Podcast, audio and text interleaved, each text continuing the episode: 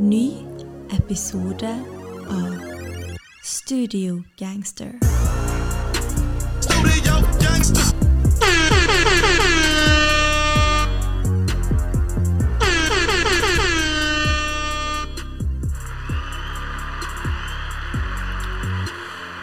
Yes, alle sammen. Uh, it's that time of the year again. Uh, jula er snart. Året skal summeres opp. Det er årets Nei, det er tidenes tredje Studio Gangster Awards. Et awardshow der vi skal dele ut ti priser. Vi skal kåre det beste albumet, vi skal kåre det beste future artist, vi skal kåre beste låt og mye mer. Vi skal enda gi dere topp ti-liste på årets beste album, så stay tuned. Det kommer mot slutten av episoden. Men fram til det har vi en del andre godbiter vi skal eh, ta for oss. Og 2022, Marton Jeg må introdusere meg sjøl som vanlig. Mitt navn er Andreas. Jeg sitter her med Marton. Vi sitter i Ålesund, midt i byen. Reunited. Nytt studio. Vi er reunited etter et halvt år i hver sin by. Nå er vi her. Vi skal se tilbake på 2022. og Har du savna meg? jeg savner deg. Å, jeg savner det var godt å se deg igjen. Og vi sitter her med masse drikke, og det er godt å være i rom. Og nå er altså årets høydepunkt. Det er alltid den gøyeste episoden for oss å spille inn, er ikke det her? Det er kun den grunnen til jeg gidder å holde ut med denne podkasten. Det er denne episoden her. Det, det er kun det jeg ser fram til. Og hver gang vi er her, så blir jeg like nervøs for hvordan jeg skal løse denne kabalen. Ja, og det har vært et veldig bra år i år. 2022. Musikken sitt comeback-år etter covid, kan vi si det? Det kan vi si. Jeg, jeg vil faktisk tro at uh, det har vært nesten bedre å diskutere topp 10-30 album. For det vært så mye i år. Vi kan jo skvise masse. Asse. Kanskje vi skal ha det i neste episode. Topp 10-30. Det har vært jævlig bra år. Jeg må si det var det beste musikkåret siden vi starta på den. Vi starta i 2020. For sure. Og det er ingen tvil om at dette året her har vært det, det beste. Og på grunn av Altså, på grunn av covid da, så føler vi fått uh, musikk eh, mye om, handler mye om refleksjon, sjølrealisering, overkomme egne demoner, men også musikk for å feire da dette her jævelskapet vi kaller livet. Så det var mye forskjellig i år. Eh, er det noe vi skal legge til før vi starter på award, awardene? Jeg tror bare kickstart, så. Vi kickstarter. I dag er det én ting som gjelder. Vi skal dele priser. Og første pris er årets gjennombrudd. Og etter litt tenking så var det ganske enkelt valg. Den prisen her, den går til Central Sea. Central Sea. Denne unge briten. Jeg tror jo kanskje han eh, kunne argumentert for han i fjor også, at han hadde årets gjennombrudd, men eh, i år er jo det tatt helt av. Og jeg føler først eh, det er år at gatene begynner å snakke om han. Og hvis du ser på streamingtallene, så tar jo det, det tar jo helt av her. 286 millioner alene på, på, på Doja Cat-sungen, da, som er hans største hit. Og vi må jo si, som du godt sa til meg, eh, som fint sa, du sa til meg, Marton, The Power of TikTok i full gevir her. Her er det liksom ingen tvil om hva som har gjort at den eh, sangen her er økt i popularitet. Det er jo, det er jo TikTok. Og da skjønner jeg veldig godt hvorfor de unge spiller med på å lage TikTok-vennlige så de kan gå viralt. For 286 millioner streams på Spotify alene på én sang, det er så forbanna mye. Og du ser bare hvor Han er økt i stjernestatus nå. Han er på awardshows, han er på, eh, på fashion shows, han er på Fashion Awards. Han er overalt med andre celebre folk. Han eh, gikk viralt med sangen. Sangen heter Doja Cat. Fikk selvfølgelig oppmerksomhet med det, for at den heter Doja Cat. 1 minutt og 37 sekunder. Å, det er så sjukt! Det er så sykt. Og I sommer spilte han på K-ingen i Bergen. Det, det sier litt om hvor lavt han var. Ja. Det, Ja.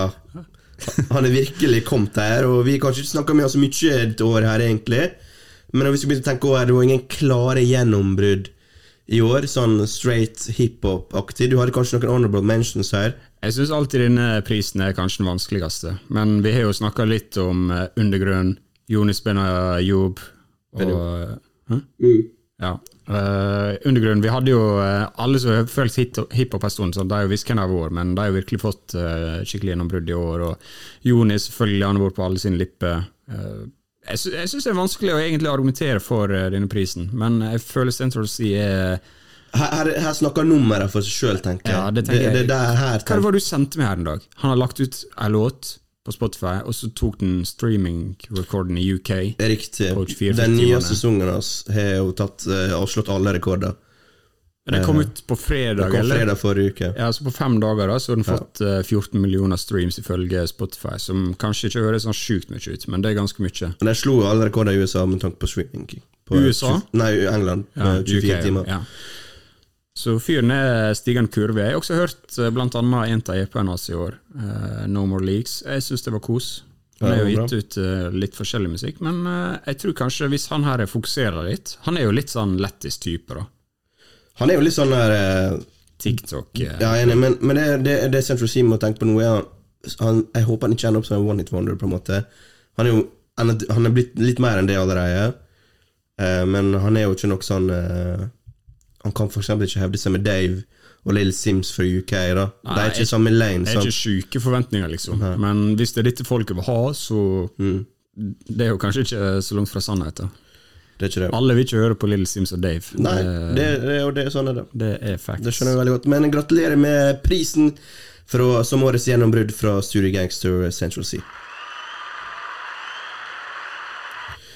Neste pris er også en uh, vanskelig en, som vi har gått litt fram og tilbake for, uh, på, og det er årets future artist. Og Hvordan har vi vurdert det her? Har vi sett på ett vers? Har vi sett på flere? Har vi sett på liksom tilstedeværelse? Hva vil du si?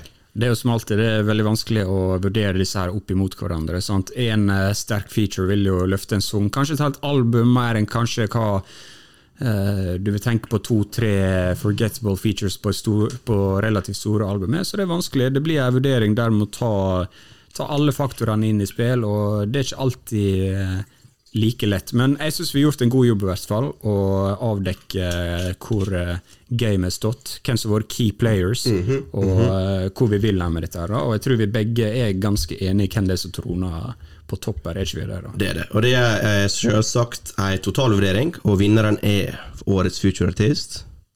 You win! Feil.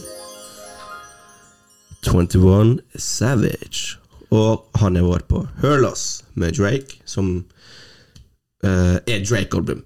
Vi, vi sier det sånn det er. Det er Drake-album med 21 Savage uh, sprinkla litt her og der. Han er vår på uh, Jid-albumet med sungen Surround Sound. Veldig bra. En av highlightsa på det mange kanskje vil si er et av de beste albumene i år. Mm, banger. Banger. Hva mer er han på? Du har en liste her. Jeg skal ikke lese opp alt, men eh, jeg kan lese opp alle albumer, eller noen av albumene våre, på hvert fall. DJ Khaled is God Did. Du kan si hva du vil om DJ Khaled, men det er stjernespekka. Heroes and Villains gjorde selvfølgelig en stor rolle der. course. Han har vært på DS Forever, som var Gunna sitt album, som kom tidlig i år. Kanskje noen har glemt litt av det. Han har også vært på King One, Rest in Peace sitt album, What It Means To Be King, 777 Lato, For Life Black Youngster. Eneste feature på uh, Honestly Nevermind på uh, låta Jimmy Cooks. En av årets beste sanger, Jimmy Cooks, syns jeg. Kan spoiler e- alert. Enig, enig. Live, life, Live Life Fast av Roddy Rich. Richer Than I Ever Been, Rick Ross. Han har vært på låta til Pharrell Williams med Tyler the Creator, Ja. Cash In, Cash Out. Stor låt, stor låt. Og uh, nå for litt siden så tror han opp med kongen Nas for One sant. Mic, One Og det er mest sannsynlig hans siste future for i år, hvis vi skal ta vekk Heroes and Villains. Så close han den veldig fint ut der med Nas, da, som hadde en Mm. eh, en liten feide, men så ordner han opp på en veldig fin måte. Eller det var mer en Twitter-feide enn noe annet, men uansett. Kult å se at han linker opp med så mange. Han er veldig versatile. Han kan eh, Han viser at han er mer enn den her uh, tunge trap-beat. Uh, at han ikke er en one trick pony, rett og slett. Han hopper på uh, sang med Nas og gjør greia si. Uh, og, og grunnen til at han har vunnet, egentlig mer enn noe annet, er fordi han har vært til stede gjennom hele året. da er liksom uh, det vi kan oppsummere med, og det er kvalitet over hele linja. Eh, Rick, mange har sagt alltid at Rick Rolls han leverer ekstremt gode futures når han er på Sunga, og det samme syns jeg vi kan begynne å si om 21 Savage nå. Han har vært på den future-greia her nå i alle fall et par år, så han fortjener den prisen her. Jeg syns han fortjener den 100% Og sånn som du sa, Han har vært gjennom hele året på de største albumene, og kvaliteten hele veien har vært liksom. Så det er vel fortjent, Veldig fortjent. Men vi ville dra fram J. Cole sitt vers på Johnny P. Caddy. Et vers som kom i eh, Det var vel i januar, det? Nesten et år siden. På albumet albumet til eh, Til Griselda-gutten eh, Benny the Butcher. Benny the Butcher. Mm, Talk for. Og det er ekstremt bra. ekstremt bra. Eh, kanskje et av beste feature-versa hittil i år, skal vi si. I år. I år. 2022. Eh, han var rett og slett bare i fyr der, så han fortjener en shout for den, syns jeg. Jeg syns også uh, Future fortjener å få høre det. Han har vært på enda flere album, og større Eller flere store album enn 21 Savage. Han gir kanskje ikke det samme liksom eh, avtrykket etter seg, men uh, han, han er jo der for en grunn, på en måte. Og han også har vært konsekvent uh, opp på hesten gjennom året. Så han også fortjener en liten fjær i hatten, syns jeg. Absolutt. Men prisen går altså da som årets future artist til 21 Savage. You win!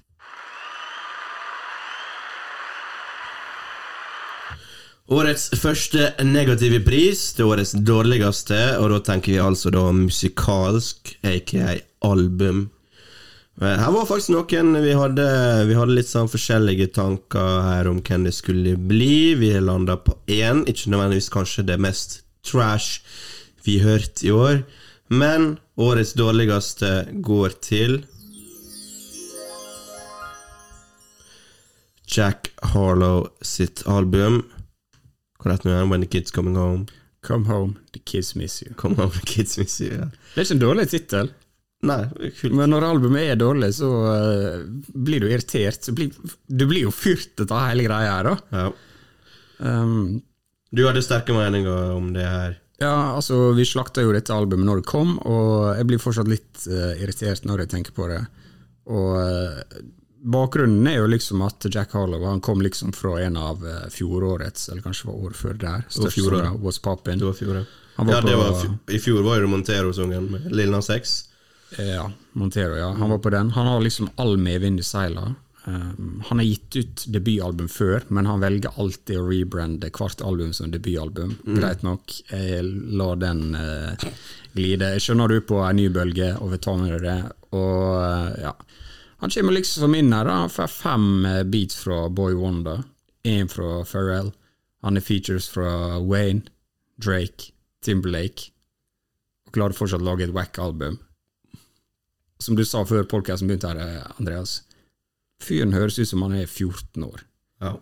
Og han, han er liksom Han er flink til å rappe, og han har liksom Han har noe for musikk. Og han er, veldig, han er personlighet på utsida av musikken, syns jeg. Han klarer ikke å få Ja, det gjennom ja. i musikken. Ja, for hvis du setter Breakfast Club-intervjuet, så liker han egentlig veldig godt. Jeg syns han er dritkul. Ja. men han er Jeg har lyst til å henge med han, liksom. Ja, ja, ja. Men det, men det er det jeg syns er så galt, for mange album så er sånn Ok, produksjonen her er bra, det høres egentlig bra ut hvis du ikke tenker over det, og sånn, og så lar du liksom glide og tenke ok, det albumet her er straight. Men her er liksom Jeg klarer ikke å lukke ørene mine for når han liksom sier noe sånn sinnssykt dumt noe. Det bare kommer så tydelig fram og ødelegger Det er litt alt på en måte. Ja, cringe og hater Det er cringe å bruke ord cringe, men det er det han er. Han fikk liksom Drake til å høres ut som Rakim. Det var helt vilt. Altså, Drake kunne jo vært på Future-artisten her bare pga. det verset, på grunn av han var på det albumet. Ja, det er null kødd, liksom. Så uh, ja. Iallfall hyller jo det Drake-verset. ja. Og det, det finnes kanskje dårligere album enn dette her, hvis vi skal virkelig gå i bagen her, men uh, jeg, sy syns Jack Harlow har gjort seg fortjent til den. Litt på grunn av populariteten. Altså, vi forventer litt bedre, egentlig. Ja, ja. Det er kanskje grunnen til å vinne her. Fordi vi Han er talentfull, han er karisma. eh, Har ikke helt funnet ut hvordan han skal eh, vinne de hardbarka hiphop-fansa, som vi er, da, selvfølgelig, over Real hiphop. real hiphop-fans. Men vi kan jo dra fram uh, Hvis du var en kjent lytter med oss, vi slakta Corday-albumet når det kom tidligere i år. Hadde også høye forventninger til den gutten. Skulle sitt, ha sitt breakthrough-album. Det er fortsatt sjukt skuffende album for oss. Ekstremt dårlig i mine ører. Eh, The Baby har hatt Tines tidenes fall-off. Det må jo være altså, hvem som er gått fra å uh, datt så høyt ned fra fjellet på så kort tid, det, det, er- altså, det er nesten en verdensrekord for hvordan han tapte. Tapte seg sjøl der.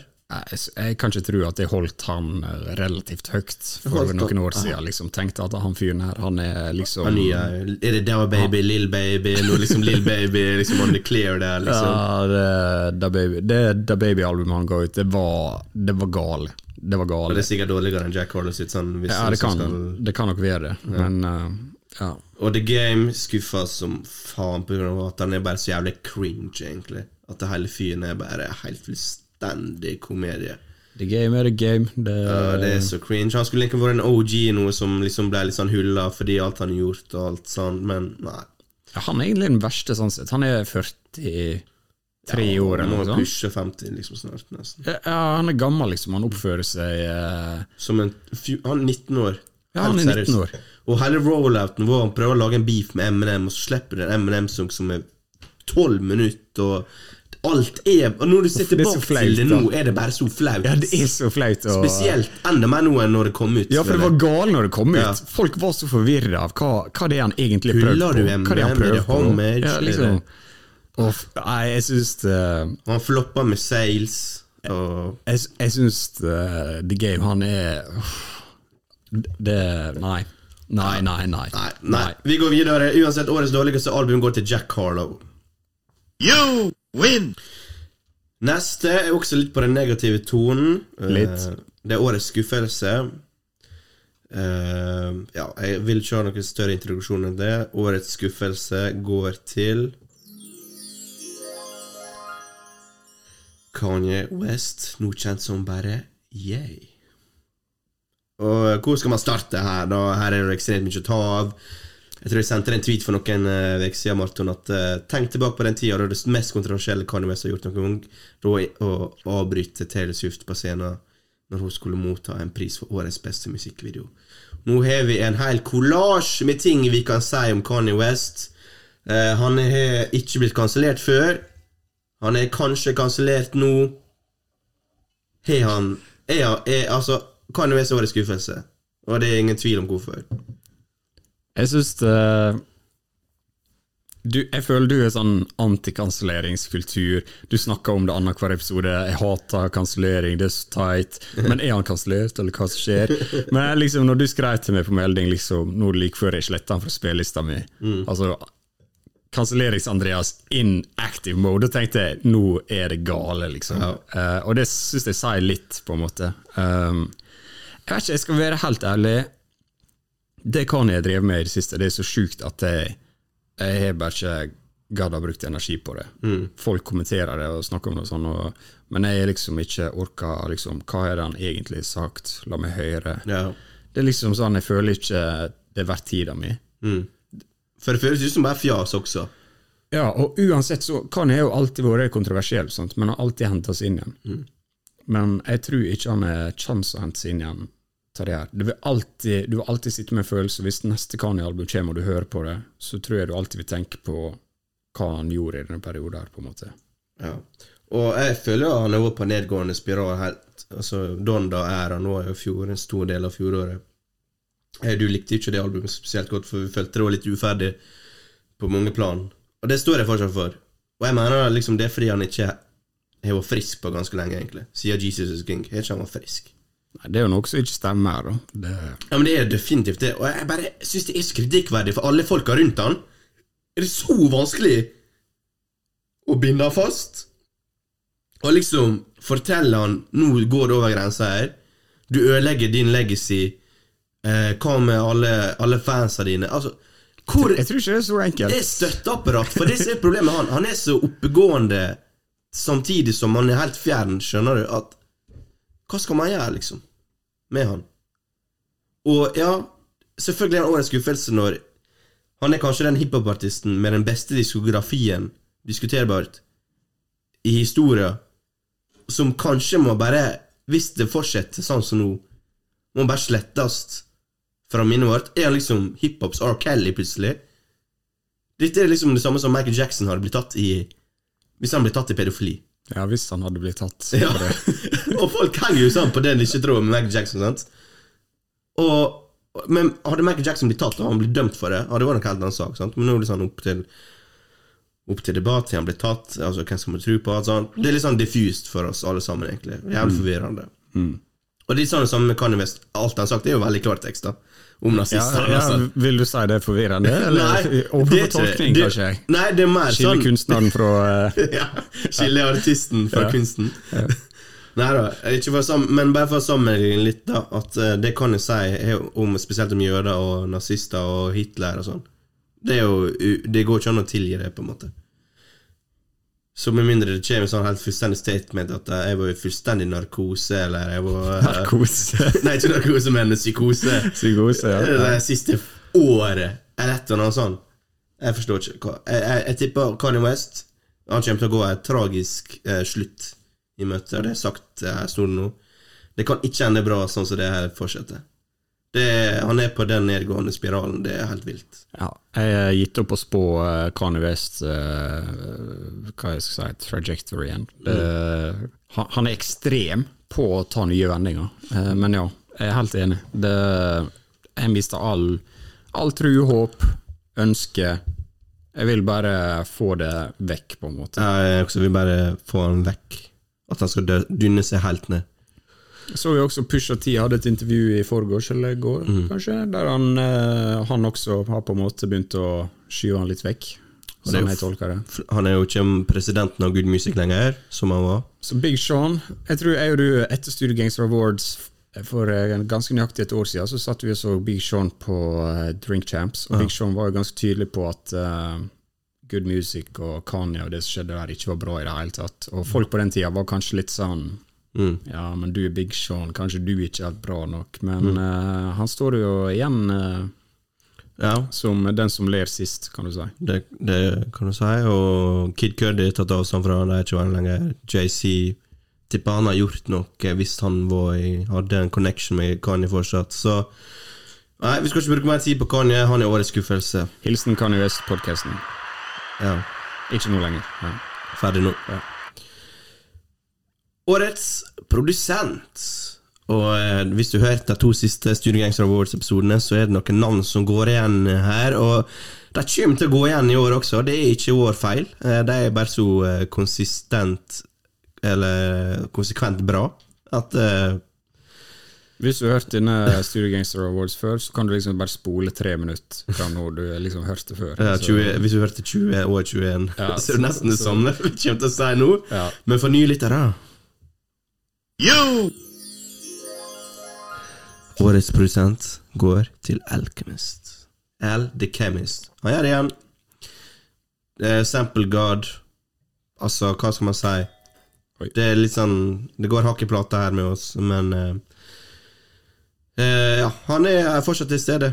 Jeg har så lite lyst å ha han på mitt topp tre i det hele tatt i år. Men uh, tallens tale er ganske klar, føler jeg. Det blir vanskelig å Ja.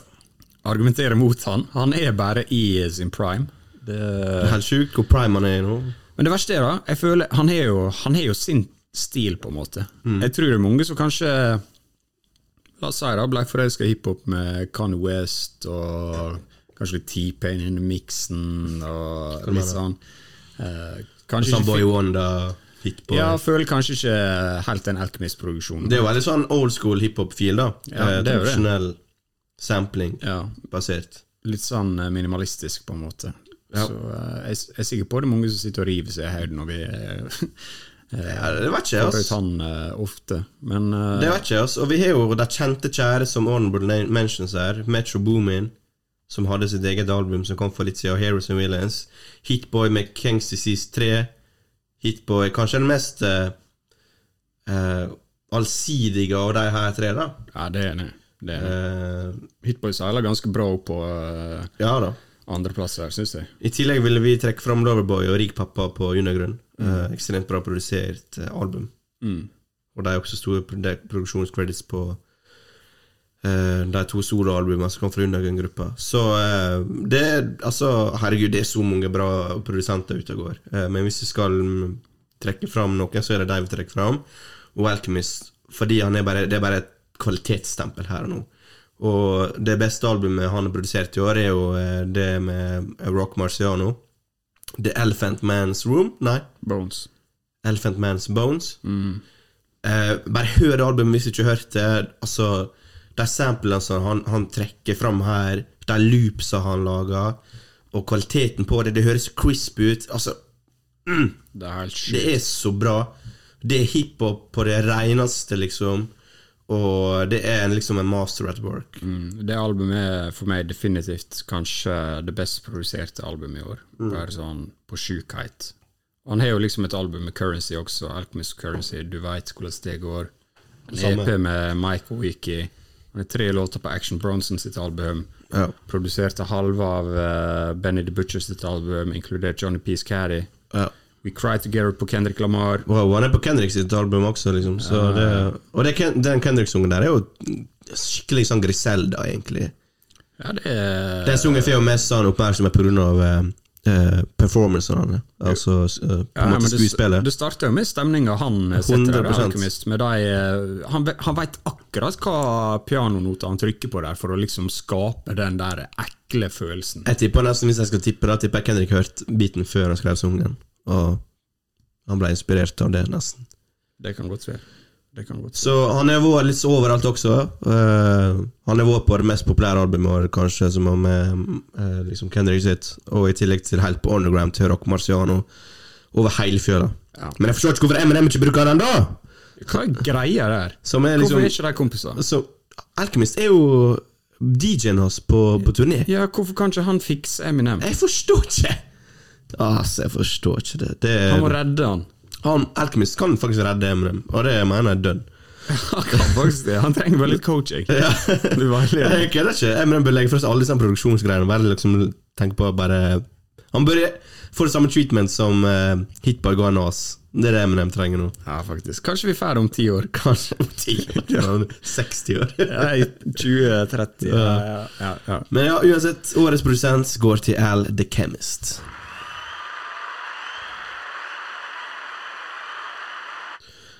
Har du noe godt i glasset? Du skal drikke litt, mer. Skal, hva vi skåler for nå? Er det Bianco Frisante?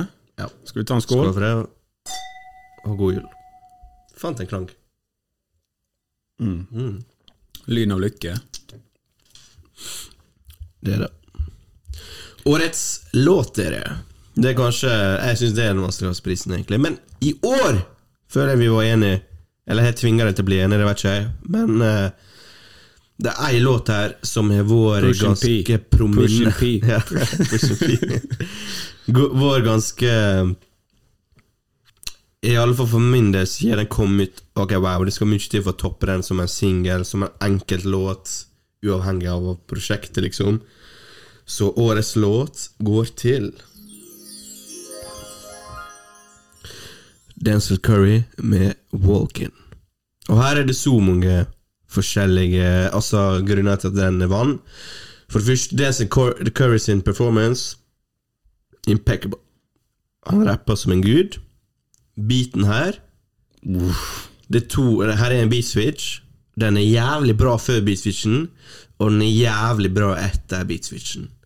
Og det samme liksom beaten, bare litt sånn speeda opp med litt sånn trap-tromme på. Bare akkurat den overgangen. Ja, Åh, er så det bra. himmelsk. Den treffer fortsatt like hardt. Musikkvideoen i klasse.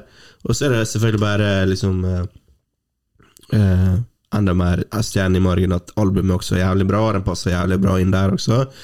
Men uansett så hadde den her vunnet årets sesong for meg, tror jeg. Eh, så Denzel Curry, 'Walking', det er liksom en ti av ti-sang. Ti av ti Jeg er enig. Og jeg, jeg husker når den kom ut, så husker jeg både du og andre av eh, kompiser av meg sa liksom bare sånn Yo, har du hørt denne låta her? Jeg er så hyped for liksom neste Denzel Curry. Liksom. Han liksom fikk liksom hele kulturen med seg, føltes det ut som, på det albumet. Og personlig så føler jeg han er alltid vår, kanskje der i grenseland av liksom kvalitet med f.eks. Kendrick. da at han har bare vært veldig bra nivå på alt han har gjort. Det har vært veldig forskjellig. Kanskje ikke akkurat min stil, men her var det liksom bare som alt bare Klikka. klikka, og jeg fikk så mye tro på han, og den låta er jo dritkul. Jeg har faktisk sett gamle Unnskyld meg. Uh, uh, kvinner på 40 pluss har liksom lagt ut Insta-stories med denne sangen her. Det er ingenting annet enn en kvalitetslåt. Ja, det, altså, det er, den det er ti av ti for meg, altså. Ja. Elsker den. Og, den, og et kvalitetstegn er at vi ikke blir lei. Den kom ut for eh, over et halvt år siden. Mm. Og vi fortsatt velger den. Det er veldig typisk sånn Musikk er jo ferskvare, egentlig. Spesielt sanger, singler, er ferskvare. Veldig. Så at den har liksom stått liksom the test of time gjennom hele året, er også et kvalitetsstempel. Så mm. Men det har vært et sjukt bra år ellers også. Vi kan trekke fram flere sanger. Jeg har lyst til å trekke fram eh, Diet Coke av Pusha T, Italia av Undergrunn, When the Sparks Fly av Vince Staples, Hotel Lobby med Quavo og Takeoff, fy faen til banger, Rest in Peace, Takeoff, Show Me Joey Badass, Mother I Sober med Kendrick, N95 med Kendrick, altså For et år, egentlig, for hiphopmusikk. Mm, det har vært helt sinnssykt. Jeg cosigna samtlige du sa der. Vil legge til Die Hard av Kendrick. Skjønner ikke på folka som hater på dem. Mm. Puffin Suities, Future. Ja, Future, fy faen. Dirty Dior, Søvnløs i Ishibaya. Nas, Michael Quincy. Jeg vil også gi en til The Heart Part 5 av Kendrick. Jeg bare elsker samplen der med Marvin Gaye og hvordan han bruker den. Sjukt. Johnny P, den er vi nevnt. Zip Codes med Joey Badass, selvfølgelig. Og kanskje jeg vil trekke fram Magic også, av eh, Vince Staples. Surround Sound av Surround uh, Sound. Jid. Det er mange jeg kunne nevnt der. ass. Ja, og du Vince Staples Magic, den likte ikke du for et halvt år siden. Nei, men du veit Vince. uh, Wow. Du må bruke litt tid på den, Ok, ok, så den kom. Den husker jeg du Jeg, synes jeg, jeg husker jeg sa jeg syntes den var jævlig bra, men du bare syntes nei, det var en av de svakeste på albumet. Ok, men la meg si, for å forsvare meg, da. Så det at det var en av de svakeste på albumet, betyr kanskje ikke at det var en dårlig låt. Nei, absolutt ikke. Jeg vil bare si at liksom, det var jo en singel, den kom en ganske god tid før albumet. Ok, men kult. Den er absolutt en av de mest sungene jeg har hørt, eh, mest på i år også. Bra hukommelse, du. Mm. Eller såra jeg deg når jeg sa Nei, eh, bra hukommelse. Okay. Eh, men årets låt Udiskutert. Push P! Push P også. Til- jeg har lyst til å nevne Push P. Jeg vet folk hater på den, men det var en ting i Det var januar, en happening. Det var en stor ting. Det er, jeg, tror jeg, det. jeg, jeg, jeg tror jeg sabla den ganske greit ned da den kom. Men ja, det var en banger, og det er fortsatt en banger. Ja, Du må ikke ta det seriøst, liksom. det er bare gøy. Og uh, han er kommet ut av fengsel nå, så free Ghana når han er free. Men free uh, Young Studio Thug. Gangster. Free Young Thug. Free Young Thug. Ok, årets låt. Gratulerer, Desert Curry. You win! Og alle andre. Og alle andre. For et år, for et år. Vi skal til Norge, mann! Har du sett den trollvideoen? Nei. Åh, gud bedre meg. Var den dårlig eller bra? Uh, den er så dårlig den er bra. Da, årets norske, altså. Da er det Det kan være hva som helst, det kan være album, det kan være artist, men vi har bare valgt å liksom spise, spise den prisen her da på eh, en spesifikk ting. Årets norske går til Undergrunn. Jeg kommer aldri til å glemme den dagen jeg hørte først Altså Undergrunn-albumet, som eh, kom ut i år. Jeg fikk hakeslep fra start til slutt. Jeg bare tenkte hva i faen er det her?! Det her er for bra til å være norsk, tenkte jeg. Produksjonen fra Rik pappa og Loverboy on point. Flowsa fra alle gutta er on point. Content er on point. Jeg vil på konsert. Har ikke vært på konsert enda Skal helt sikkert neste år. Du kjøper billetter allerede til eh, Malakoff. Malakoff, 4500 kroner rett ut vinduet. Alt for dere, UG. Alt for dere. Og UG, fy faen, jeg må gi deg en applaus. Jeg gir deg applaus. Fy faen, så bra, altså. Og ikke nok med at jeg og du syns det er bra, men de har liksom tatt Norge Altså, Norge er anerkjent der. Folk som liksom ikke liker rap og hiphop, har liksom tatt de her imot. Og det er blitt populærmusikk. Og det må Altså, jeg, jeg, jeg, unner deg den suksessen, liksom. Eneste for meg som kan liksom være der oppe med Karpe i år, eh, og knive med deg som de beste norske eh, Altså, nei. Altså, folk sa ordrett at uh, Undergrunn er liksom arvtakeren til Karpe.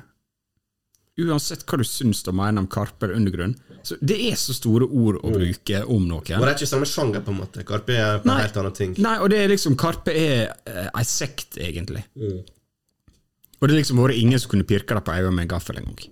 Nope. Og så kommer, eh, kommer Undergrunn her, disse jyplingene på eh, 19 og 20 år. 19 og 20 år.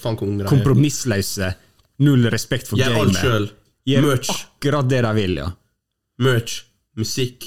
Det, alt. det Stemning. kaos. Det er kaos. Og nå ser du, hvis du skal kjøpe deg billett til festivalen neste år, Undergrunn Før har de kanskje Hvis de i det hele tatt var på festivalen du skulle på, så har de vært ganske langt ned på plakaten No Disrespect Boys. Men nå er de helt der oppe. Mm. Ja. Nå er de Det helt er jo testament til På alle kvaliteten de kom i år. Så nei, årets norske er udiskuterbart. Marstein varma for Nas. Ja, vi var på Nas. Marstein drepte Til og med Nas cosigna co-signa Marstein. Tror du de møttes? ja, definitivt. Sjukt av Marstein. Jeg sjekka instaen din, Marstein. Så ikke noe bilde av Nas der. Så. Det Jeg vet ikke hvordan jeg skal tolke det. det er det jeg sier. De, de gir seg 100 eh, De driter i alt. Ja da, men for å vekte undergrunnen og Jeg synes For å vekte norsk musikk i år er levert. Karpe starta jo det med med si greie, med sin rollout, og selvfølgelig ti ganger Spektrum. Helt sjukt, altså. Hva faen? Men utenom deg, da. Dødt de i år. Albumet der, som kom i sommer, det var veldig nært med liksom å kapre undergrunnen. Fordi fy faen, så bra album Dødt leverte i sommer. Ja, det, Årets sommeralbum, kanskje for min del, helt seriøst. ja, altså, det Dutty gjorde der, det, jeg fikk så mye respekt for han. Det var, det var på en måte sånn, eh, med fare for å høres sånn teit ut, men det var på en måte sånn album der du fikk respekt for artisten i rapperen. Ja. Liksom det han gjør der. Features som kommer inn, bare hvordan han flyter gjennom albumet. Det albumet er dritbra, så hvis du ikke har hørt eh, Det er mindre ensomt alene, så er du nødt til å gjøre det. ass. Det, det er liksom mm. Og selvfølgelig Jonas Benjob leverte jævlig bra solid debutalbum. Karpe, sjølsagt, vår til stede i hele år. Og så må selvfølgelig, selvfølgelig huske å gi utrop til eh, Vågar, som dessverre gikk bort eh, for noen uker siden. Vågar, en, eh, hvis du er kjent i hiphop-miljøet, så, så veit hvem han er. Han har vært med, med i A-laget, han er fra Bergen. Eh, legende rett ut. Vi har vært i kontakt med han flere ganger, eh, så hvil, eh, hvil i fred, eh, Vågar. Og eh, eh, alle varme tanker til familien hans og pårørende der. Mm. Veldig jeg bare kose det Andreas sier. Og setter veldig pris på samtalene vi hadde med, med han på Instagram. Han var veldig varm og engasjert. Og, En av de første som fulgte oss på Instagram. ja, Han reacha ut før vi reacha til han. Eh, det var veldig, veldig kult. kult for oss. Vi fikk en god historie fra han. Uh, Han hadde sjuke historier! Han har liksom vært i kontakt med Mike historie. Dean, Ja. som produserte på Kanye og Travis Ja. Scott, og en av de største produsentene i vår tid, liksom. Uh, så et stort, stort savn for Musikk-Norge og Hiphop-Norge, uten tvil, Vågar. Uh, så, så ja, hvil i fred. Eh, vi, vi avslutta med Årets norske med, med Vågar.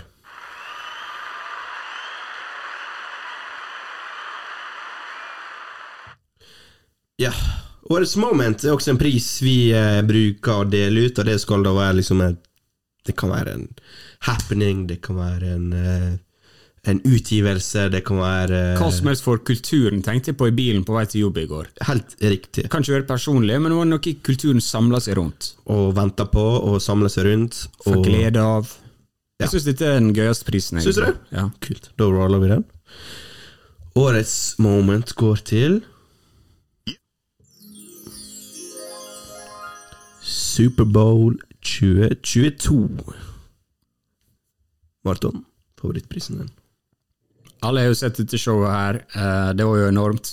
Superbowl har jo bare blitt mer og mer tatt over av hiphop siste eh, ti åra. La oss si ti åra, jeg har egentlig ikke peiling på hva jeg snakker om, men la oss si siste ti åra. Sånn at vi har Travis Scott, Big Boy, vi har hatt Travis Scott var fotnote når han var der. ja, ja, eh, The Weekend, ikke akkurat hiphop, men uh, Dette er det første re- rene hiphop. dette, dette var det første hiphop-showet, og vi hadde selvfølgelig Dr. Dre, Snoop Dogg, Mary J. Blige, Eminem, Kendrick og til og med 50 Cent. Ja. Og jeg, jeg får litt sånn den følelsen av Andreas, du kan sikkert relatere litt til dette her, men jeg tror både jeg og du tenker litt sånn Kunne ønske jeg var voksen og hiphop-fan under Up in Smoke Tour. Absolutt. For det virker som liksom noe så sjukt stort som skjedde. Og jeg tror kanskje dette for neste generasjons hiphop-fan var litt sånn Jeg kunne ønske jeg fulgte hiphop på den tida når dette showet skjedde, og jeg kunne fått med meg det og liksom satt pris på det. Rent objektivt, da, hvis jeg skulle valgt, så skulle jeg ønske jeg var typ 20 år i 2002 og bare fulgt med Rent objektivt, ja. Du skulle ønske. Ja, syvilt. er det mer riktig å si? Ja. Nei, men eh, For da får jeg litt mer det som kom på 90-tallet, og så den nye generasjonen som kommer på tidlig 2000-tallet. Mm. Og du bare ser hvor hiphopen bare skyter i popularitet. eh, med Eminem og 50 Cent og Dr. Dre der, og, og så har du Snoop Dogg og, og gjengen. Og ja, uten tvil. Ja, uansett, da. Uten tvil. Altså, poenget er da Dette her er et sånt show som skjer bare én gang i livet, på en måte. Og du har liksom ei settliste med straight classics. Du hadde liksom eh, Vi så jo showet før vi begynte episoden i dag. Bare Måten Dr. Dre og Snoop ser på hverandre. Har du noen gang sett eh, Dr. Dre smile før? Snoop Dogg han er så avslappa, han har det så bra, han er så lykkelig. sant? 50 Cent var 50 De Cent. koser seg bare. Kendrick var king. Han stjal showet med visuelle, i alle fall. Ingen tvil om det. Han viser at han er den største stjerna i dag. Han er, han er nåtida, liksom. Ja, og jeg synes Det som jeg sitter igjen med, da det var som, Dette er et stort øyeblikk, men det var alle de små øyeblikkene oppi her som liksom gjorde det så bra for meg. Liksom uh, Anderson Park, bare det, to sekunder der du ser han er så glad på trommene. Eminem som tar kneet. I ain't mad at you-saluten. Snoop Snoops liksom bare crip-walka litt. Masse gøy øyeblikk ja, inn i det bare... det. store spekt spetakkelet. Og det er veldig vanskelig Du kan jo tenke at ja, selvfølgelig tar de største hitsa, og, og sånn, men det er veldig bra satt sammen. Og jeg, jeg vil regne med det er Dr. Dre som gjorde gjort det. Satt sammen rekkefølger og liksom hva sanger man skal ta fram. Og alt bare passer sammen, liksom. Og alle disse sangene har du hørt en million ganger før. Spesielt de og Eminem og Dre og Snoop. Og 50 Cent, selvfølgelig. Eh, men de viser jo bare at det er timeless classics, liksom. Det er sånn at du cringer når du hører på det. Det er Next Episode og Lose Yourself og In The Club. Liksom, altså Det er hiphop royalty, akkurat det der, og det er liksom Avengers som kom sammen. Eh, og forhåpentligvis får vi se en New York-edition av det en eller annen gang. Det hadde vært kult. ass. Det hadde vært veldig kult. Det må jo de iallfall prøve. Jeg tipper JC er veldig sånn Faen, nå må vi opp i ringa her, liksom. Jeg skrev for Garab... Nei, jeg skrev Steel Dre. liksom. Hei, det, jeg fortjener litt creds, liksom. Problemet i New York du, det, det er mer splid innad i gruppa Ja, er enn hva eh, Vestkysten er så godt samla på mange måter. Ja, det er sånn er Biggie. Jeg tipper Biggie kunne samla gjengen. Rest in peace. Rest in peace.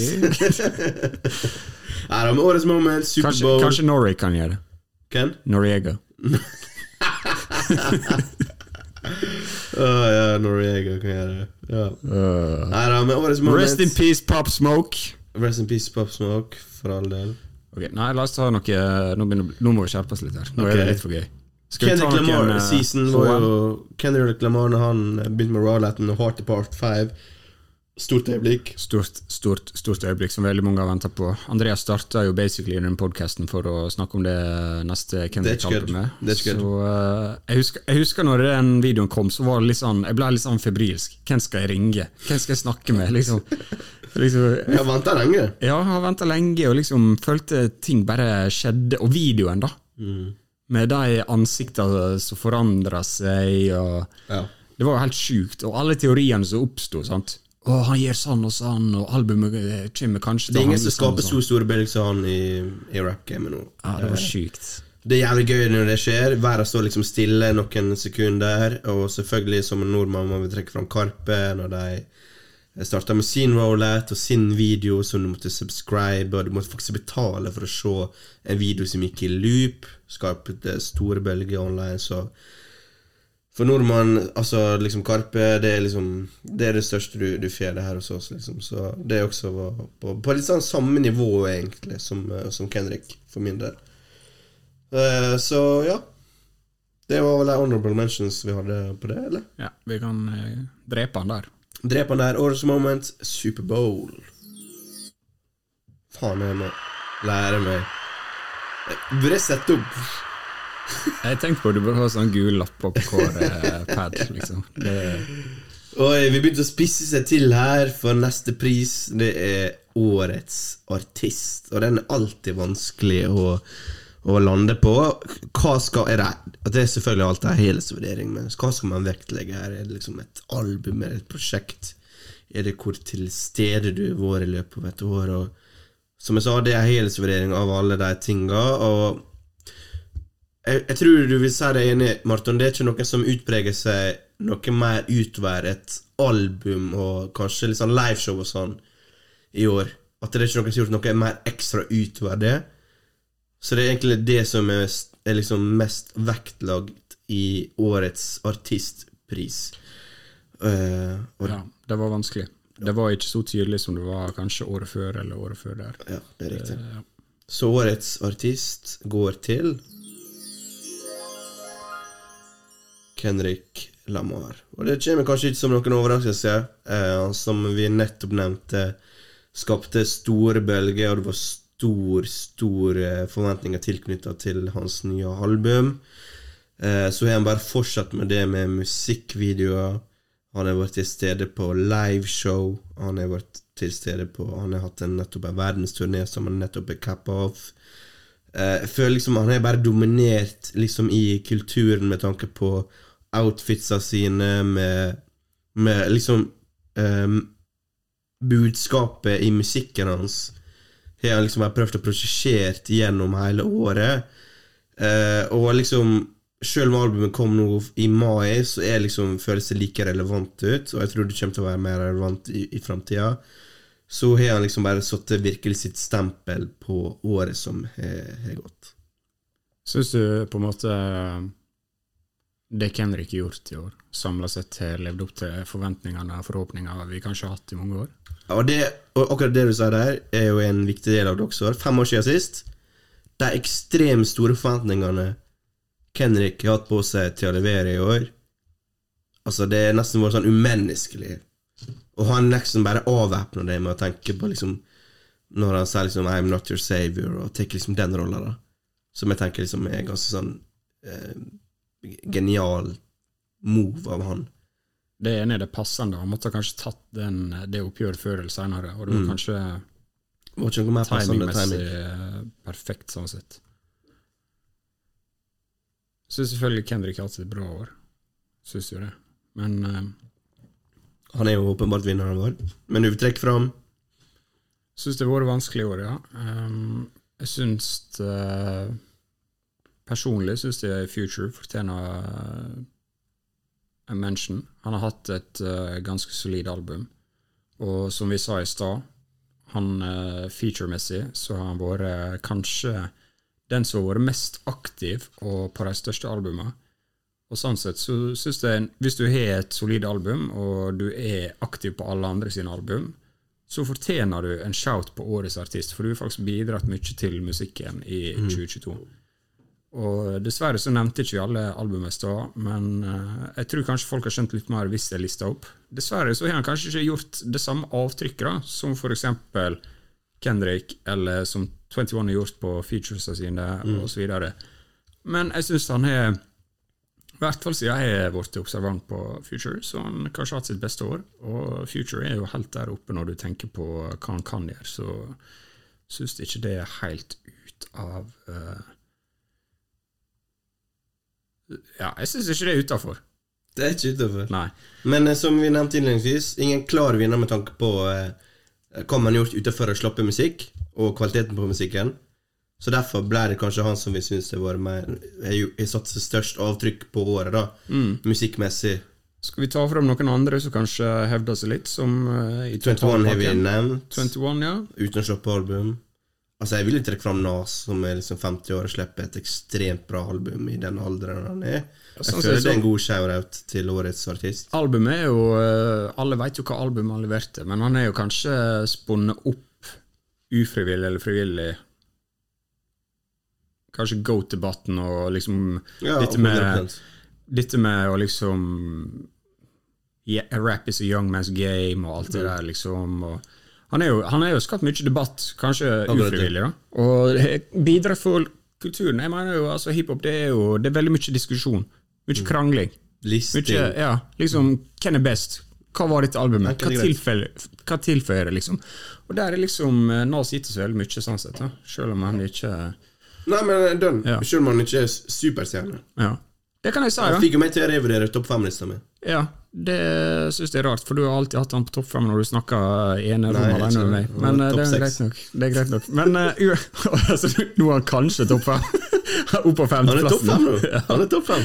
Så før var han på sjette, nå er han på Ja. femte. Ok. Nei, han er innenfor topp fem. Ja, okay. men, ja, men det kan jeg si. Jeg syns Jeg husker ikke helt hvem vi hadde som årets artist i fjor, men eh, jeg syns Nas fortjente det i fjor, så han kan ikke få det i år. Da, ja, Han hadde Kings Disease 2. Og Magic. Magic. Han hadde eh, hiphop-podkasten sin, så jeg har fått veldig mange hiphop-legender fram i lyset. Gitt dem en plass å snakke og stemme og sånn. Um, Grammy. Han vant eh, vel en Grammy sånn sett det året. For, eh, ja, men han vant det det året for året før. Uh, men det er greit. Vi snakker faen meg nok om Nas på denne podkasten her. Nas ja, ja, enig, enig. Men Nas er en honorable mention her. Veldig, veldig tydelig. Ja. Kun av alderen sin, egentlig. Ja. Og Og Karpe, som du sa, Karpe de har videoen, de har albumet, de har Spektrum. De er, Hva mer skal man gjøre i Hva- Norge? Ja, hva, hva mer skal du gjøre? Sånt.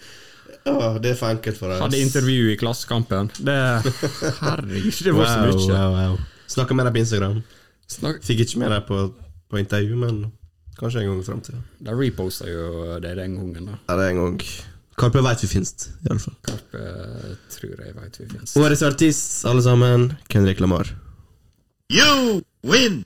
Da skal vi faktisk til indrefileten. Og eh, før det skal Martin bare ta en pisspause. Vi er snart tilbake. Ok, folkens. Årets album det er Indrefileten. Vi skal gi dere topp ti Studio Gangster. Og eh, Martin, forklar hvordan vi har gjort det i år.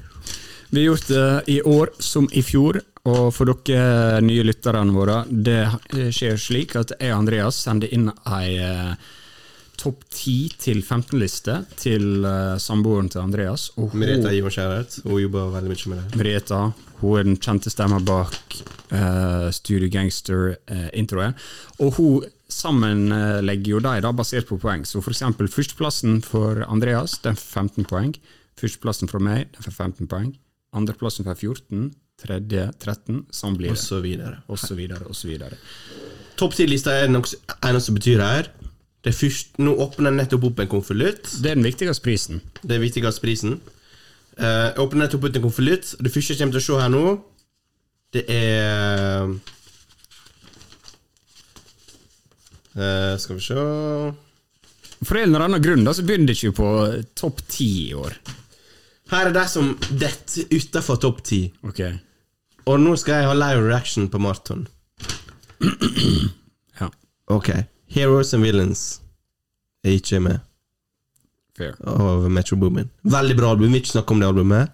Innafor. Ekstremt solid Når jeg sier innafor, så er det innafor enn utafor, tenker jeg. Nummer ti, Western Gun. Ikke med på topp ti-lista. det er du mer skuffa for. Jeg kan si jeg er skuffa, men eh, det er kanskje innafor også. Hitler Wear Samers nummer ti, ikke på topp til lista vår. Hurlas, ikke på topp til lista vår. Innafor. Drill Music Zion, ikke på lista vår. Innafor. More Black Superheroes, Western Boogie, ikke på lista vår. Jeg syns den, den er Jeg innafor. ser poenget. Jeg synes den er Du innafor. syns den er innafor? Ja. Ok, jeg er litt skuffa over at Heroes and Villains og Hurlas ikke er på topp ti-lista vår. Det er fordi at du er ikke real hiphop, my dude. Men greit. Da starter vi. Så, men, For nummer 11 okay, og nummer 10 er like masse poengsum. Bare så det er sagt. Så vi starter på det, de to. Forstår du? Ja, jeg forstår. Hun snakker som rocket science? Snakket jeg som eh, en baby. Nummer 11 og nummer 10 har like mange poeng. På delt tiendeplass er det altså to album som eh, ikke klarte å bli separert. Her har vi Cheat Codes av eh, Black Dot. Og vi har The Forever Story av Jid. Og jeg veit godt her at jeg har gått- gått Forever Story en eh, høy score, og du ga eh, Black Tot og eh, Cheat Codes en høy score. Det er riktig. Bare på grunn av hvordan jeg kjenner deg mm. som person. Ja, det er riktig. Ingen overraskelse der. Jeg kan være helt ærlig. Black Tot cheat codes, har gått helt under radaren for meg i år. Du er dum. Ja. Du Men er eh, døv. det fortjener en plass på topp ti-lista vår, fordi Kort Hvorfor? Eh, hvis du ikke har hørt eh, Danger Mouse-produksjon før, så eh, bør du ta og renske Spotify-lista di. Black Thought, jeg trenger ikke å argumentere for det. De to i lag har lagd et sabla bra album. Og Jid, et av de albumene eh, som jeg forventer å være ganske høyt oppe på de fleste topp ti-listene i år, innenfor hiphop. Du har nevnt det før, det blir replay-valuen som har liksom ødelagt det litt for oss, egentlig. Mm, Vi, det. og, vi har stått litt uforstående til hvorfor akkurat Men jeg har en ting å si da, om det albumet her spesifikt. Uh, hiphop Jeg har lyst til å ta fram før vi fortsetter lista. Hiphop-året i år har vært ekstremt sterkt. Og dette albumet her, av uh, Jid, det har nok hevda seg mye bedre i året før, og året før der igjen. Og uh, det har vært en tett kamp, faktisk. Uh, og albumet er ganske bra. Det er bare sånn som du sier. For meg så treffer ikke det på uh, Replay value. replay value spesielt. Og da blir det vel lett å glemme det. Men jeg respekterer sinnssykt liksom, sånn growthen til Jid. og Performancen 100%. hans. Både 100%. synging, rapping, futures og litt sånn konseptmessig. Ja, det er trist. Det er veldig mye du treffer. Altså, jeg hørte det igjen rett før vi spilte inn, og liksom Jeg skulle ønske det bare traff meg litt inn i hjerterota. For da tror jeg det hadde vært liksom topp tre for meg. Garantert. Ja, det når ikke helt inn, rett og slett. Men hvis du er på topp én, jeg skjønner det. Jeg skjønner det veldig godt. Skjønner det veldig godt. Neste album på lista vår, på niendeplass, er Joy Badass med 2000. Det er et album du tror jeg spilte veldig mye i år. Dette albumet har veldig høy replay value. Ja. Uh, og Joey Badass er jo vært enorme forventninger til, og jeg syns han leverte i år. Um, vanskelig å overgå kanskje mye av det han har gjort, eller noe av det han har gjort før, men uh, albumet her fucka hardt med det, altså. Fucka hardt med det. Og her er så mange låter jeg kommer alltid til å spille resten av livet mitt. Og her er da eh, kanskje det som skiller det eh, Altså Kvalitetsmessig tror jeg faktisk Jids album er bedre. Enig. Forever Story. Enig. Det er bare replay-verdenen her for meg, og de sungene der når en høyere peak, rett og slett. Si at det, jeg har det høyere enn Ja, eh, for det, det er ikke sangene her er dårlige, da. Nei. Det er ikke, eldre... Nei, nei, nei. Det er bare Og, og kanskje Joey er litt mer interessant for meg enn Jid. da Jeg er jeg er kanskje ikke så dypt inn i det Jid og Dreamville-greiene som er med Joey. Uh, som jeg syns er litt sånn mer relaterbart. Boom-bap-rappen der. King of New York-shit. Jeg vet ikke. Det er bare med estetikken som bare treffer meg litt mer. mm, Så han har niendeplass med 2000. Vi går på åttendeplass med en gang. Og det er Win Staples med Ramona Park, Broke My Heart. Og det føler jeg er en fin plassering for Win Staples i år. Han uh, trekker akkurat innenfor topp ti. Win Staples, by Win Staples i fjor var et av de beste albumene i fjor. Og det selv om det var bare 23 minutter, eller hva faen det var. Han slapp et mye lengre album i år, på en, rundt en time. Eh, veldig solid prosjekt. Høy replay value. Gangsterrap med litt sånn melodisk og tilbaketrykkende vibe. Vince Staples er blitt veldig stor fan av han de siste to åra. Så Morsom keys. morsom fyr, han er interessant fyr, ikke minst. Interessant keys. Så han fortjener plass på topp ti neste år. Vi er begge enige om det. Det er jeg veldig enig i. Jeg skal faktisk uh, si en ting, da. Uh, jeg hørte på albumet hans nå uh, før, før Awards. Romana Park. og jeg må si eh, ja, Ramona Park. Og eh, jeg fikk litt motsatt følelse, for jeg rangerte det ganske høyt. Mm. Men uh, når jeg hørte på det igjen, så følte jeg ikke det helt. Men så kom jeg på det vi snakka veldig mye om. Mm. Når det først kom ut, så tok det litt tid før du egentlig kom deg inn. Mm. Inn på eh, innersida av jakkelomma til uh, Vince. Wins.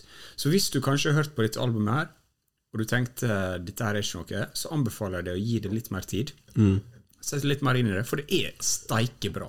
Mm. Det er steikebra når du faktisk eh, henger med på alle, alle linjene til Wins og eh, hvordan dette her er satt sammen. Han er en veldig interessant fyr, og en av de beste sangene i år er When the Sparks Fly, Synes Ja. jeg. Ja, det uten tvil. Det er helt sinnssykt eksempel der. Ja, Men det er veldig lett å skrive han av, og det må ikke du gjøre. Ikke fuck med wins. Han er Fuck med wins. Jeg fucka Ikke, hardt ikke med fuck han over, men fuck med han. Ja, fucka med wins hardt. Nummer syv på vår liste. Her har vi Soul Soul Separately med Freddy Gibbs. Gutten din kom litt lavt ned på årets liste, Marton. Tenker vi om det? Jeg syns uh, Sjuendeplass. Syns det, det fair. det er fair. Syns det er veldig fair. Synes det er fair. Uh, han har jo lagd et album her uh, med veldig mange forskjellige prosenter, som har kanskje vært litt ulikt hans stil siste åra. Men eh, jeg syns, for meg, i hvert fall eh, like etter det kom ut, så hadde jeg spilte det igjen og igjen og igjen. Fred Gibbs viser at han sånn rent rappmessig er han kanskje den beste rapperen akkurat sånn så det er nå. Han kan skrive gangsterrap, han kan skrive coke-rap, han kan skrive litt mer introspektive låter. Han er ikke den som liksom lager layered låter som har hva skal man si, konsept, konsept, konsept, eller de mest sinnssyke lyriske låtene, men han har litt av alt, egentlig. Og eh, resultatmessig så fortjener han å være på topp ti. Og det syns jeg ditt album også gjør.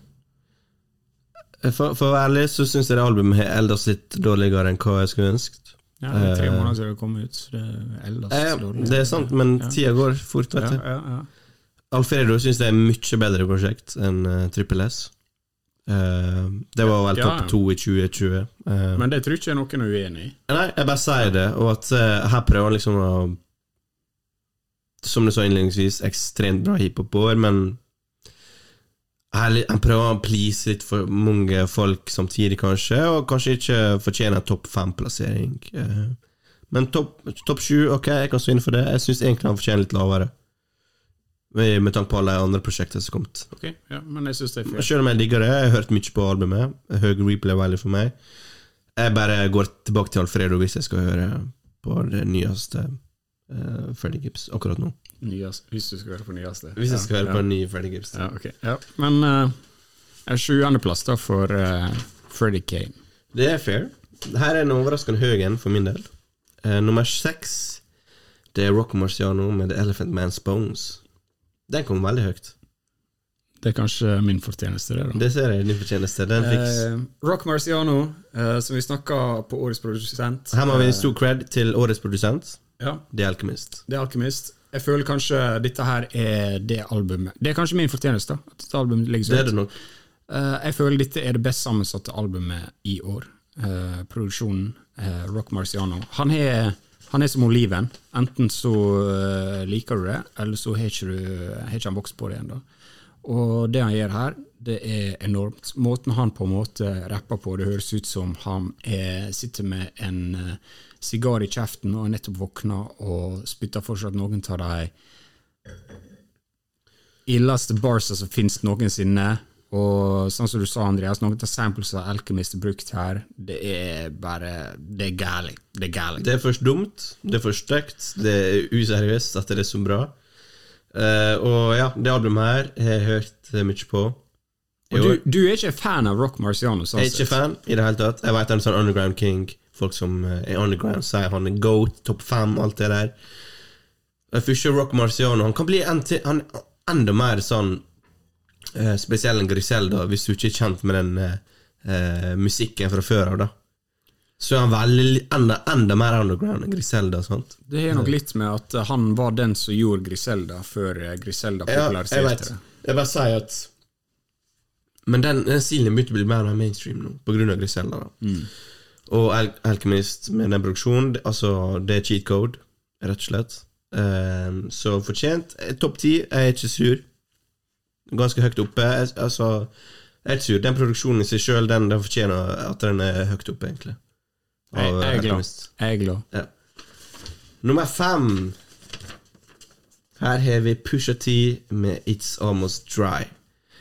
Et album som er altså produsert halve av Kanye West og halve av eh, The Neptunes eh, og Pharrell Williams der, altså. Coke rap på sitt beste. Eh, vi pusher til forlenger egentlig liksom den stilen han var på med Daytona, føler jeg, og eh, han er fortsatt like smooth. Beatsa er upper, upper class. Ingen som har så stor tilgang til så store og gode produsenter som, eh, som Pusha T. Det må jo være helt unikt, som man kan ha veksle mellom Pusha, Kanye West og, uh, Pharrell Williams og Neptunes produksjon der, altså. Uh, så femteplass, jeg føler det er fair. Jeg kunne halt han litt høyere hvis det var mer personlig, men femteplass er jeg ikke sur. Ja, jeg syns femteplass er rett og rimelig. Um, det som du sa, han er liksom to av de beste produsentene mine. Han gir greia si. Hvor gale kan det bli? si, for å si det sånn. Har lagt grunnlaget allerede liksom. Uh, ja, vi hadde jo en ganske eh, grundig breakdown. Uh, ikke mitt uh, favorittalbum i år, eh, men eh, man må jo respektere det som blir lagt ned her. Og eh, jeg er ikke sur, som han Andreas sier, på at dette landa en femteplass. Jeg er ikke sur for det. Det er bra. Fjerdeplass. Ekstremt ferskt album. No Thank You, Little Sims. Fjerdeplass, faktisk. Det er høyt. Og det kom for ei uke siden. To? Det- Hvorfor er, vi, er det på fjerdeplass? Ja. Helsike. Og, og, og jeg tenkte sånn, eh, for min egen del, jeg var sånn Ok, wow, ok, dette albumet nå Altså, vi skal sammenligne med de andre albumene på topp fem. Så jeg kommet for en stund siden, hatt tid til å fordøye det. Det er liksom uh, Sett på uh, liksom replay-valuen og alt sånt. Men Little Sims hun er bare et sånn ekstremt sånn kvalitetsstempel over seg. Hun er så forbanna kul. Jeg føler helt seriøst hun er kvinnelige nas, på en måte. At uh, jeg, jeg bare Jeg skulle ønske jeg var hun på en måte. Og det er ingen andre damer jeg føler jeg kunne ønske bare, Jeg skulle ønske jeg var en dame Ja, på den facts. måten. Skjønner du hva jeg mener? Det er facts. Som regel relaterer vi boys oss til andre boys og alt det der greiene. Men jeg skulle ønske jeg var så kul som hun. Hun er bare en sinnssyk swag. Og de låtene hun produserer her nå, som ender til helt sikkert er leftovers fra forrige album, noen av dem. Jeg tror det. Noen av dem er helt sikkert For det er litt sånn som en produksjonsgreie. Jo- Litt vibe på noen av Det er jo sånn en, en produsent som har gjort alt på dette albumet. I know, men uansett still. Ok, jeg skal ikke Jeg bare teste det. Jeg skal ikke teste det. Men det er litt et testament til hvor bra musikk hun lager, da. At det kan være Leftovers, som produserer et topp fire-album på Studio Gangster Awards 2022. Som kanskje er litt høyt, for å være ærlig, men for siden det er så ferskt, egentlig. At det er litt sånn ufortjent der. Jeg føler litt sånn ufortjent at det er der. Ja, det, er enig. det, det bør egentlig ikke være lov å ta med så uh, ferske album, for det er litt sånn uh, teit. Og uh, jeg er litt overraska sjøl over at det er så høyt, men eh, hva skal jeg si? Jeg er stor Little Sims-fan, og jeg syns på mange måter det albumet hun har gitt her, sånn som du sier, det er jo, det er jo dritkult. Og eh, jeg føler det er litt sånn som Magic etter Kings Disease 2. Det er litt mer sånn Jeg, eh, jeg er litt mer aggressiv og litt mer eh, Jeg holder ingen Heller Holder ikke igjen noen eh, dårlige ord her. Går veldig ut mot plateselskap og men, men in suits og folk som kanskje ikke har hjulpet meg så mye før i livet, skulle jeg si. Og eh, ja. Helt enig. Hvis jeg skulle sammenligne det med et annet album, så det var Magic av Nas, Ja. som kom i fjor. Ja. Og eh, jeg syns det er egentlig litt digg at vi har eh, ei dame faktisk på topp ti-lista, for jeg syns kanskje Eh, Eller la meg spørre deg, Andres. Gi meg topp tre kvinnelige rappalbum i år. Ja. Megan Thee Stallion kommer med et Har du egentlig hørt det? Nei. Men litt Sims Ja, sant? ja altså det Vi bør jo være bedre på å inkludere kvinnene, sant? men de gjør det ikke så lett for oss. Nei, men for å være helt ærlig syns ikke det er noen som burde være oppe på topp ti utenom Lille Sims. Nei, nei, det er jeg enig i, men jeg, det er det jeg sa. Jeg er veldig glad for at eh, faktisk her er ei som har, går toe to toe da, med boysa. Og hun kom på andreplass i fjor, rett bak Carl Me If Lost av Tyler. Og kunne ha lett tatt nummer én der, liksom. Kunne det hadde vært en annen dag. Ja, sånn ser. Eh, så Lille Sims, no thank you. Fy faen, hun leverer. Helt seriøst. For ei kvinne. Så hun live i sommer. Faen, så bra det var. Heldig. Heldig. Nummer tre. Har du lyst til å tippe? Vi står igjen med i hvert fall to album her. Uh, tre, ok. Uh, Kings Disease 3. Det er helt riktig. Her er Kings Disease 3 på plassering 3. Jeg syns det er passende. Han kunne Jeg syns ikke han skal være så mye høyere, ikke så mye lavere. Tredjeplass, fint. Nas jeg tror han var på tredjeplass i fjor også, med KD2. Det er jo helt sjukt. Kommer inn på, eh, på slutten av året her og stjeler det. Eh, du, som du sa i stad, han eh, Hvis folk ikke har han i goat-tolken før nå, så tror jeg det definitivt har han der nå.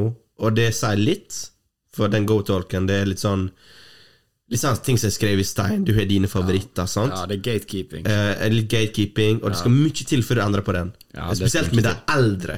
Det må heller være sånn Ok, Kendrick kanskje kan komme inn i min topp fem. uh, Men at du plutselig skal ta inn en det er facts. 50-åring Det er facts.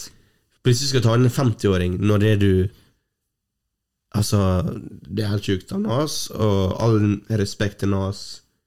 Fy faen, så, han er liksom Han er en goat, uten tvil. Det er ingenting å arrestere på han og det albumet her og Hitboy og Og, og som vi nevnte når vi snakka om albumet sist, jeg føler han er på liksom uncharted ground nå. Ingen som er så stor, som er så gammel, som gjør det så bra som han i hans alder. Så der er han helt unik, egentlig. Han, er, han, han fører korstoget, kan du si. Så nå er det liksom opp eh, til de- andre nå, da, hvis de vil JC.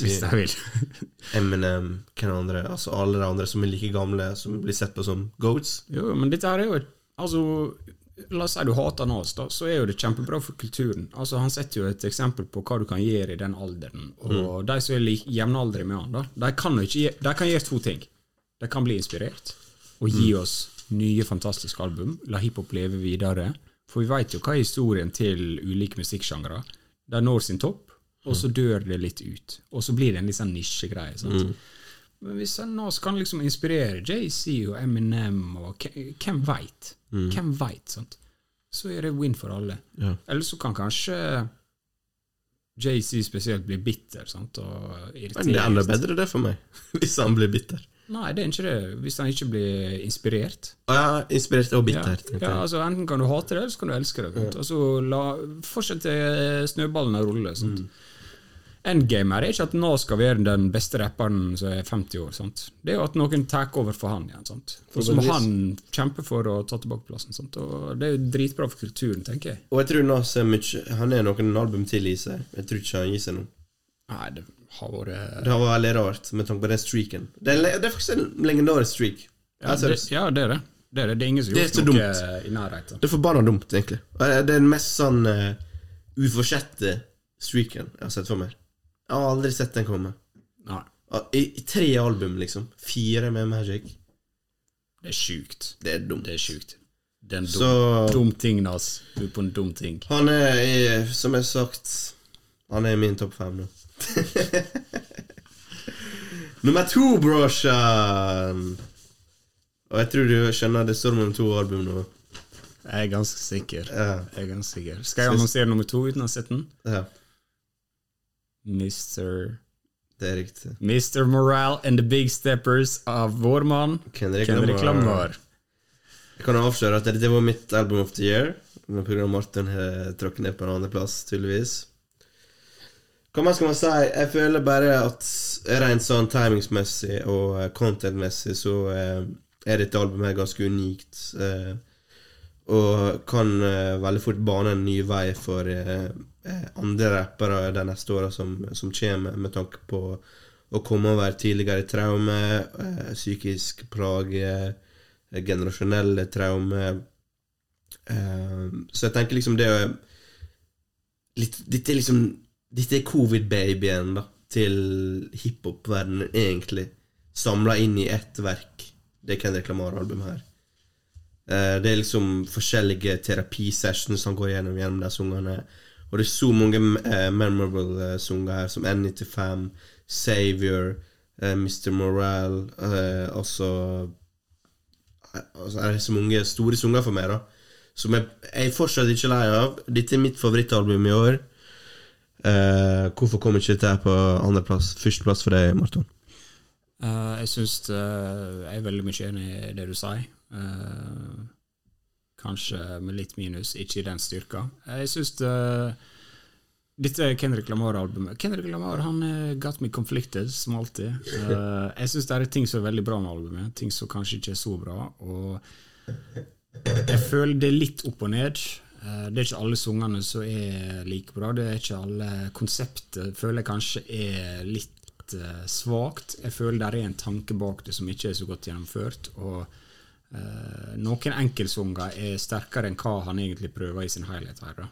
Og eh, ja, det er som du sa, her er, her er noe, kanskje noen av Kendrick sine beste sanger.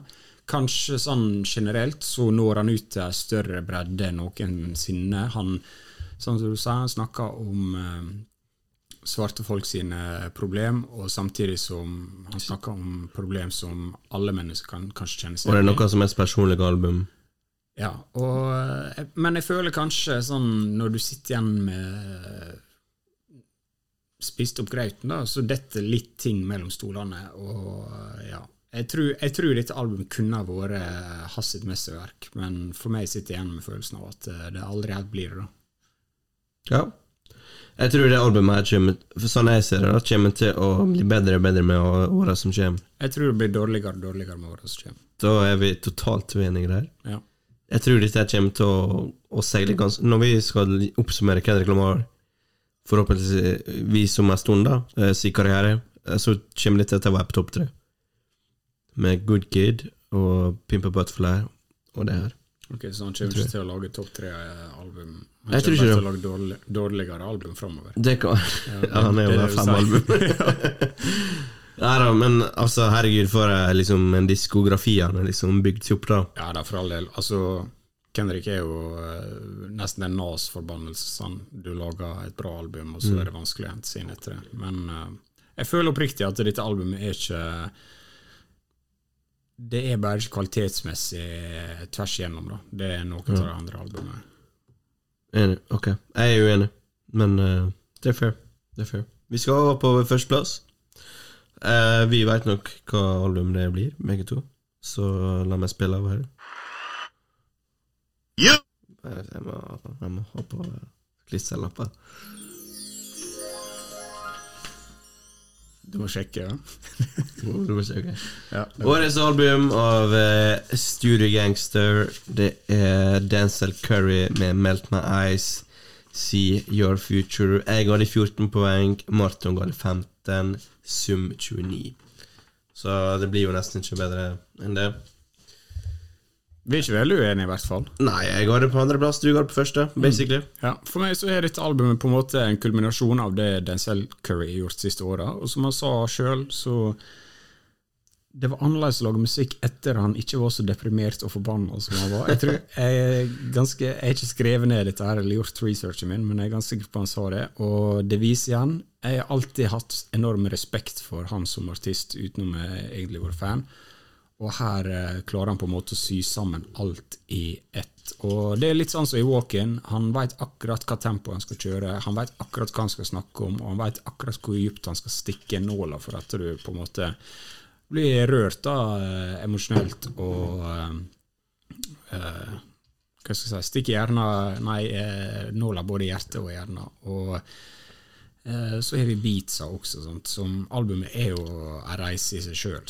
Absolutt. Du har jo alt fra trap beats til uh, Soul Samples, soul samples og Boom Bap, boom bap og ting som du kanskje ikke har tenkt på som Trap. hiphop. og- Han, går, han flower som plutselig Don Toliver over der, liksom. ja, Black så Swing. Jeg, jeg føler det er bare albumet, årets mest sammensatte album, da. Og det fungerer. Han showcaser liksom forskjellige typer sjangere med tanke på sin performance, beatsmessig og contentsmessig. Ekstrem growth for de andre albumene sine. Og han er bare ung. Jeg tror han like gammel som meg. eh, Han er veldig ung. Han er veldig ung. Og han er så mye liksom, interessant i seg, og så masse eh, suksess allerede, eh, med tanke på alt han har gitt ut. Eh, og all ære til Denzel Curry, årets beste sang, årets beste album av Studio Gangster.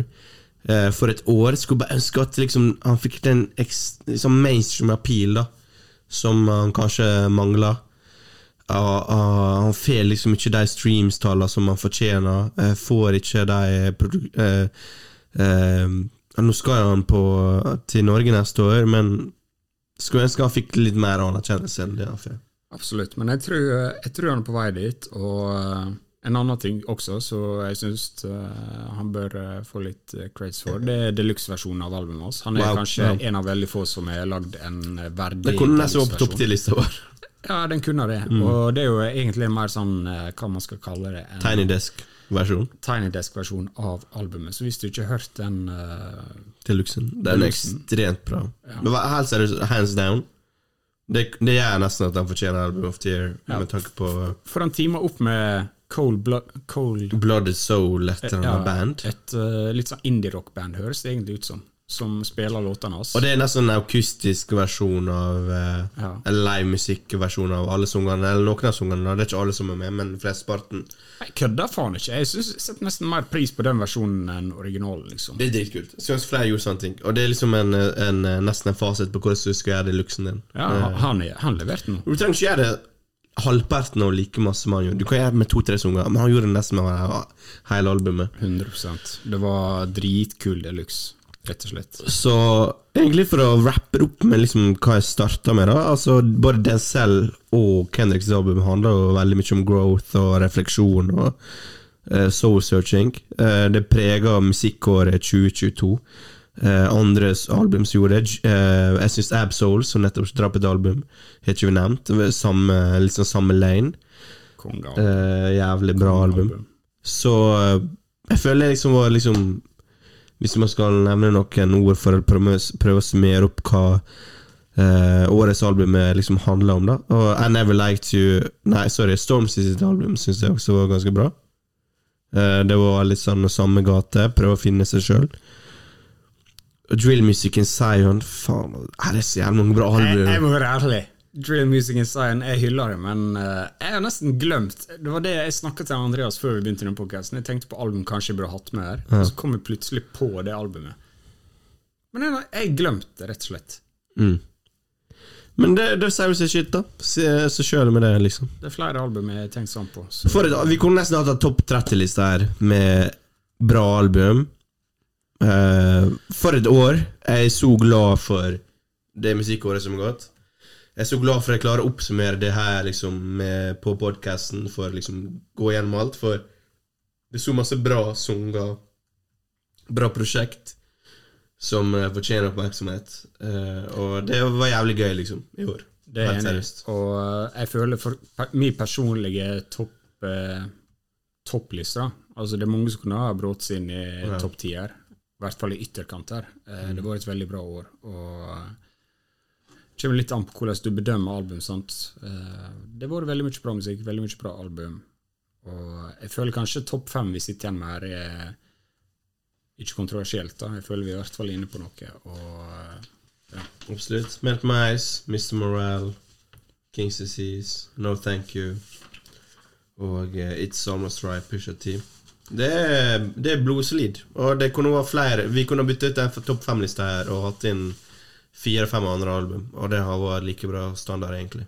egentlig. Så eh, faen, er vi noe mer så usagt, liksom?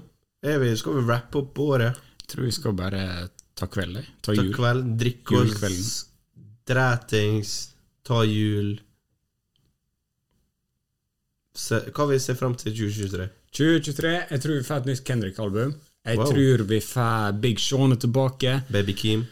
Baby Keem, kanskje. Um? ASAP Rocky? A$AP Rocky på tide. Rihanna, kanskje? Tell the Creator skal Hvis han skal fortsette samme trend, dra på annethvert album the Creator, ja. Um, hva mer kult vært nice? Jeg tror vi får MNM-album, faktisk. Ja, la oss håpe vi Jeg slipper håper det. for La oss Jay-Z. håpe vi slipper det. Jeg håper vi får Jay-Z-album. Ja. Det var kult. ja. Nei, det er litt sånn open the smoke, føler jeg. Liksom, nå er det sånn 2022 har vært så jævlig bra. Liksom. Nå er det bare å prøve å toppe det neste år. Det, jeg, jeg tipper det skjer med 20 forsett neste år. Som vi ikke klarer å tenke. Jeg er enig. Det, det var sånn- så insane mye bra musikk i dag. Nei, i år. Og ja, ja, jeg syns, jeg syns eh, vi må være rimelig fornøyde med årets oppsummering, sånn sett. Og ja, vi får se hva 2023 bringer. Jeg, tror- jeg tror vi kommer til å få uh, Travis Scott er sikkert tilbake med et album. Tidlig neste år, tipper jeg. Ja, Young Tug er ferdig. Um, vi får se. Vi får se. Vi skal uansett sende ut uh, Vi skal lage en bracket på Instagrammen vår etter hvert. Sånn at dere eller du som hører på, stemme fram eh, hva du mener er årets beste album. Og hvis du er sjukt uenig med oss, slær inn i DM, si hvorfor du er uenig, hvorfor du er enig. Uh, uansett, årets beste album går til uh, Desert Curry med Melt My Eyes. See you future, det er ganske fortjent. Dette var siste episode av Studio Gangster i uh, 2022. Hvem veit når dukker vi opp? Vi vet ikke. Eh, Forhåpentligvis hører du fra oss neste år en gang. Tusen takk for at du hørte på. We love you, og ha god jul og et godt nyttår. Rest in peace, Vågar Undset. Rest in peace, Rob Vågar.